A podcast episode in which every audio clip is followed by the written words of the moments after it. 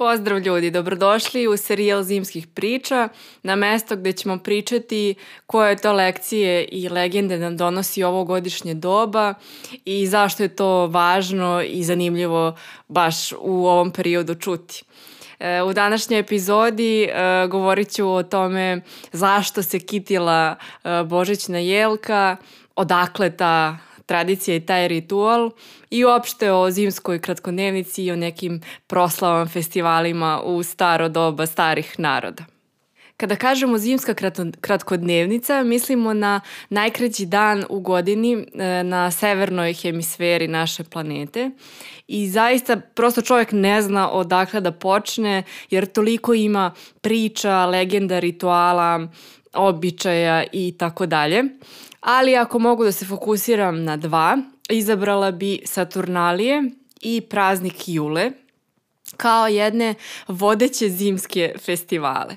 E, zašto?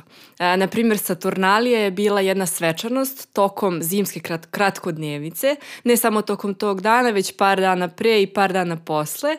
I taj e, praznik bio je posvećen bogu Saturnu i tada bi se pravilo veliko slavlje, ljudi bi jeli najukusniju hranu, opijali se, igrali, pevali i čak zanimljivo menjali e, društvene uloge, pa bi tako recimo e, sluga postajao gospodar tokom tih par dana, a gospodar sluga. Tako da sve je bilo moguće baš u tom periodu početka zime. E, sa druge strane, jako poznat praznik za narode Severne Evrope, u pitanju praznik Jule, I to bi bilo, tako reći, neka vrsta proslava rođendana sunca i praznovali su te prve tračke sunca i taj prelazak iz kraćeg danja konačno u period gde sunce biva sve jače i jače. Suptilno, ali sve jače i jače. I oni su kao centralni simbol tog praznika uzimali zimzeleno drvo. Gle čuda, potpuno logično da zimzeleno drvo uzimamo za vodeću ulogu i vodeću okosnicu ove priče zato što zimzeleno drvo predstavlja simbol neprekinutog života. Eto, kad pogledamo zaista u punom sjaju jedna jelka bor su i tokom leta i tokom zime, ništa mu ne, ne fali tokom zimskih hladnih e, meseci. Upravo zato izabrano je ovo drvo kao simbol i ovih praznika, a kako je vreme teklo i današnjih dana i jedne novogodišnje, to jest božićne e, jelke. Tako da jako puno postoji priča vezano za zimsku kratkodnevnicu i jako zanimljivih ima mitova za praznik Jule, ali ako uzmemo, izumiramo samo priču oko novogodišnje jelke, možemo da se prebacimo više u srednji vek i na tlo severne Nemačke, gde u stvari jedna moderna novogodišnja jelka je potekla iz tog doba i sa tog mesta. Pa tako su umesto nekih e, plastičnih lampiona kojima sada kitimo našu jelku, ljudi kitili sa crvenim jabukama, sa nekim mm, orašastim plodovima, lešnikom, orasima, nekim papirnim simbolima, pa čak i svećama. Tako da je to zaista bio uh, raj za oči i mesto nepregledne estetike i dekoracije. E, kako je u stvari taj običaj nekako se proširio i van granica e, Severne Nemačke, e, glavni krivac za to je u stvari jedan događaj, u jedan, jedno sklapanje braka između engleske kraljice Viktorije i nemačkog princa Alberta.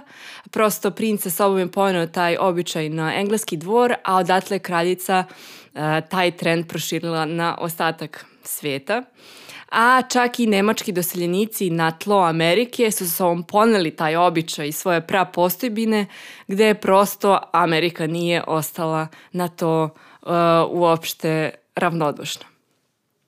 Tako da svaki put kad okitimo našu novogodišnju jelku, bila ona prava ili e, sa korenom ili plastična, možemo da se zahvalimo jednom zimzalnom drvetu jer je tu da nas podsjeti da zaista mm, život i dalje teče i kruži.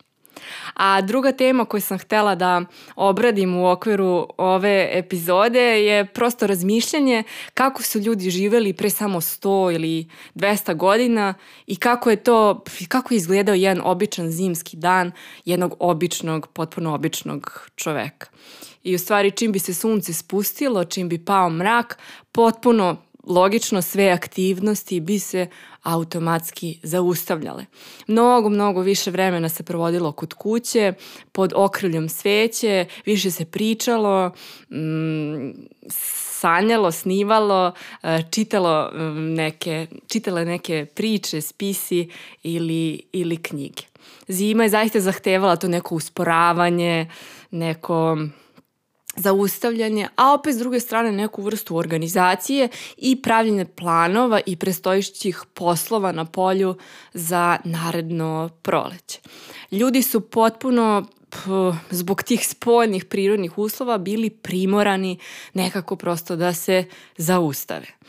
I baš je zanimljivo, na, našla sam neki podatak da nisu samo životinje i biljke te koje bi uh, ulazile u taj zimski san, već bi bila potpuno normalna pojava da mm, sami ljudi prespavaju većinu zimskih dana. I, I negde sam pročitala da recimo ljudi u Francuskoj i u Rusiji bi provodili zimske dane u krevetu spavajući, slažući se jedno pored drugog kako bi se ugrejali, uštedili energiju, a boga mi uštedili uh, oskudne uh, resurse hrane prosto. Uh, ljudi su bili kreativni zbog teških i surovih uh, prirodnih uslova.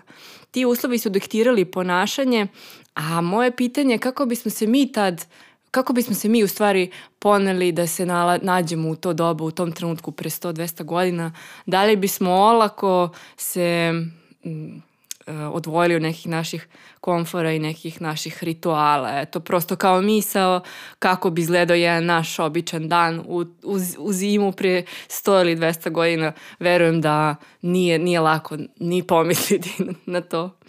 Tako da zima jeste najmračnije najhladnije godišnje doba i tako reći mogu da kažem nekako baš pretuće.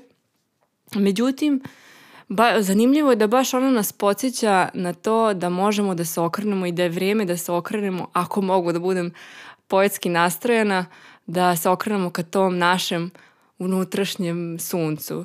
I zima pred nas iznosi jedan veliki zadatak da, se, da je vreme da se okrenemo toj svetlosti iznutra, a da je opet s druge strane potpuno ok i stati i usporiti i duže spavati, tromije i ušuškanije provoditi dane a sa druge strane medalje zima nas podsjeća na taj jedan prelepi inat i vapaj za životom kad su najokrutnije spoljašnje prirodne okolnosti i ti tad lepo zapali vatru, zapevaj pesmu i udri brigu na veselje. Živeli!